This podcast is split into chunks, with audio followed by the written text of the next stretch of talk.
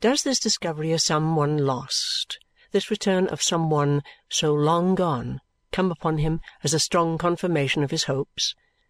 Does he think, shall I not, with the aid I have, recall her safely after this, there being fewer hours in her case than there are years in his?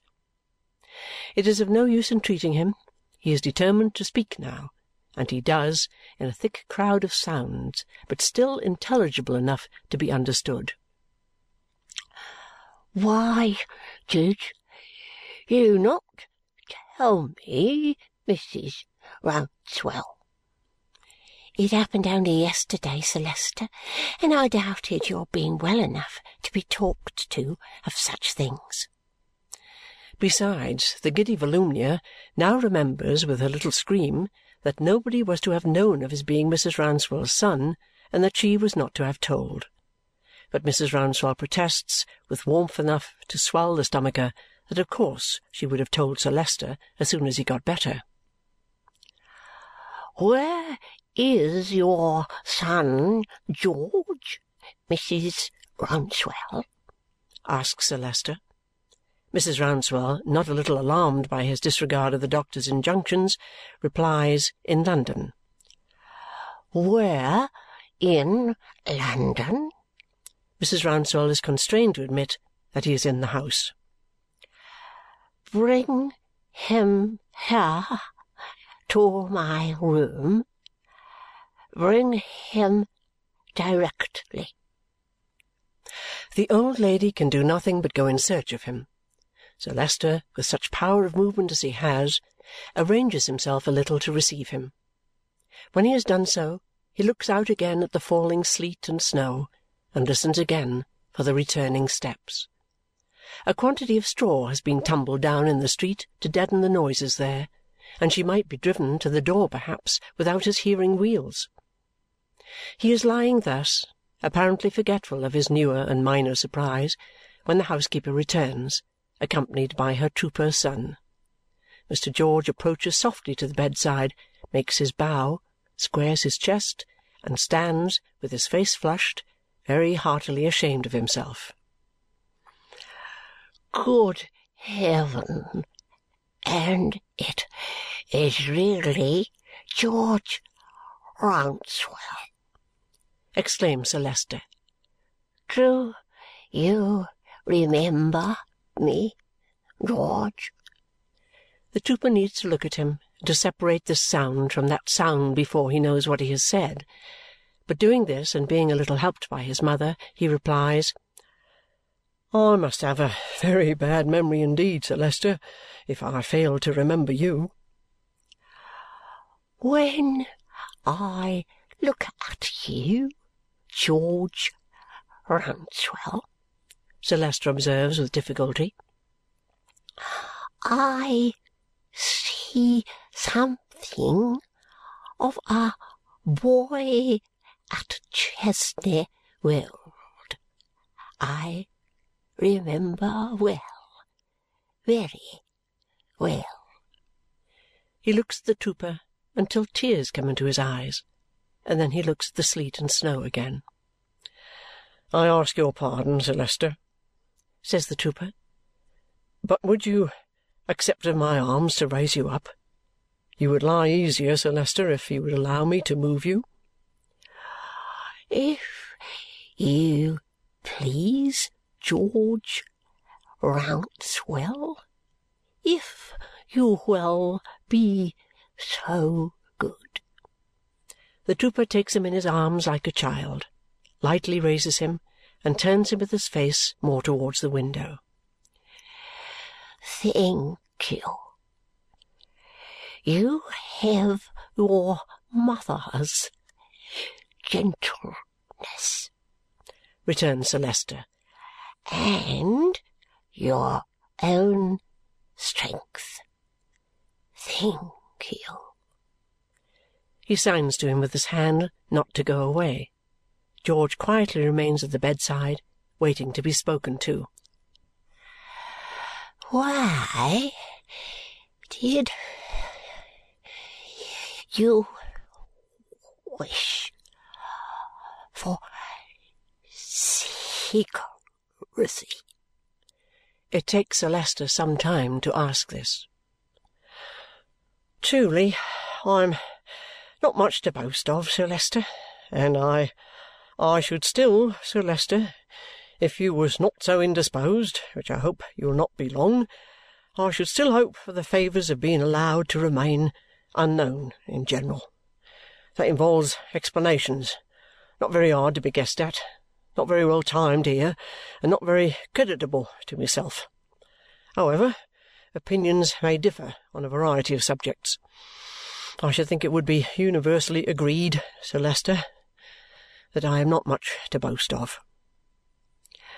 You have been a soldier, observes Sir Leicester, and a faithful one. George makes his military bow. As far as that goes, Sir Leicester, I have done my duty under discipline, and it was the least I could do. You find me, says Sir Leicester, whose eyes are much attracted towards him, far from well, George Rouncewell.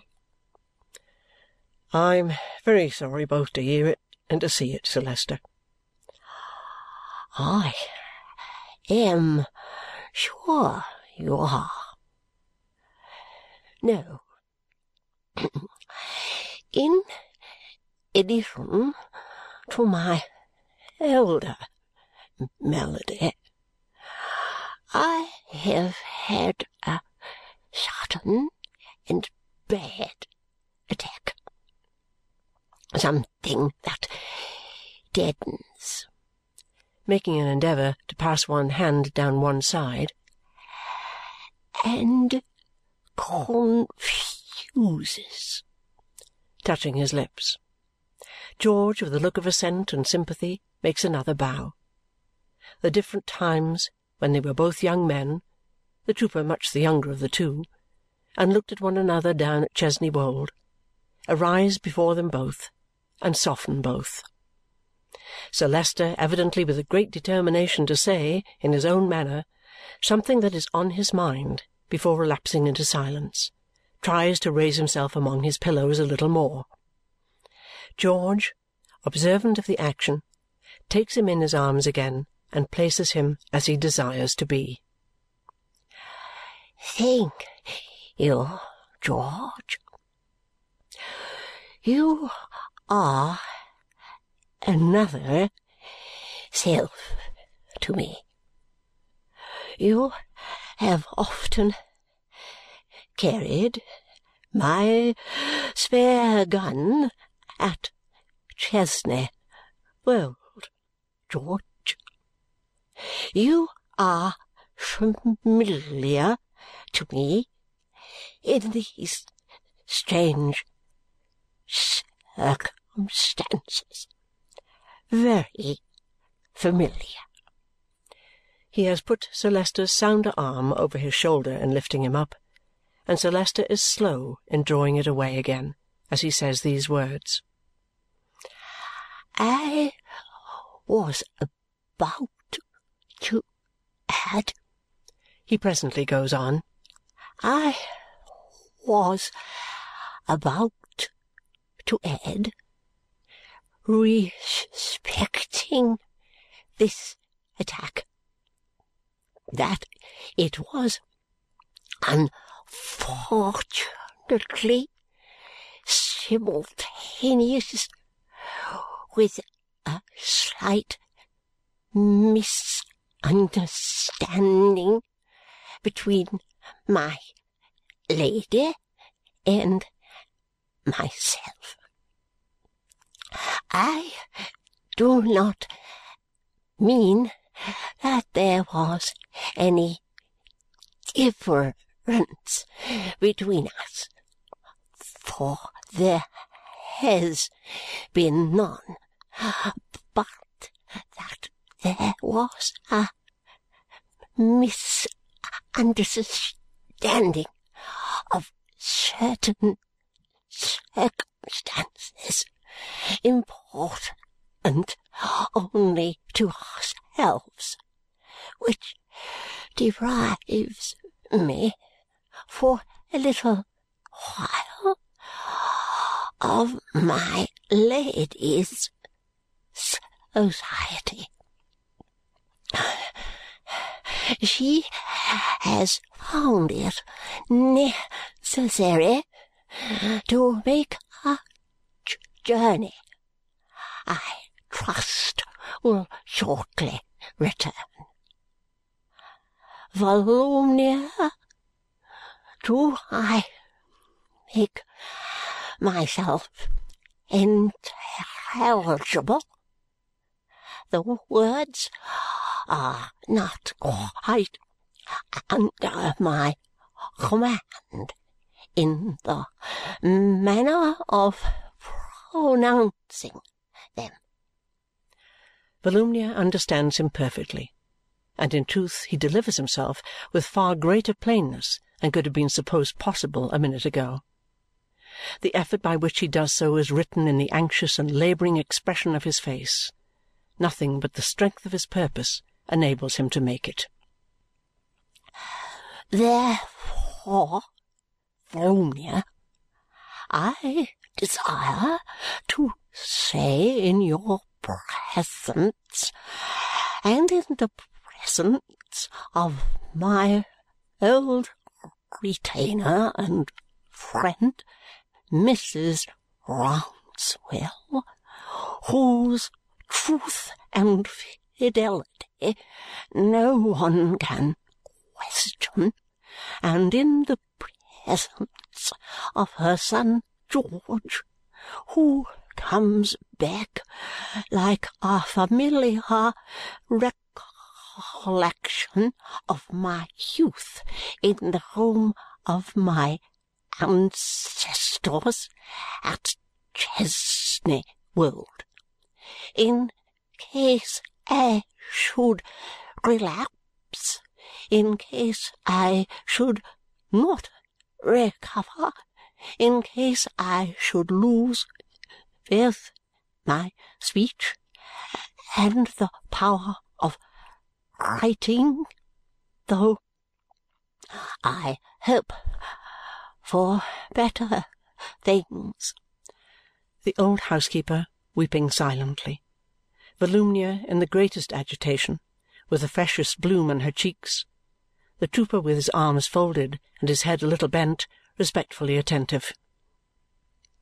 Therefore, I desire to say, and to call you all to witness, beginning, Volumnia, with yourself, most solemnly, that I am on unaltered terms with Lady Dedlock, that I assert no cause whatever of complaint against her, that I have ever had the strongest affection for her, and that I retain it undiminished. Say this to herself and to every one. If you ever say less than this, you will be guilty of deliberate falsehood to me.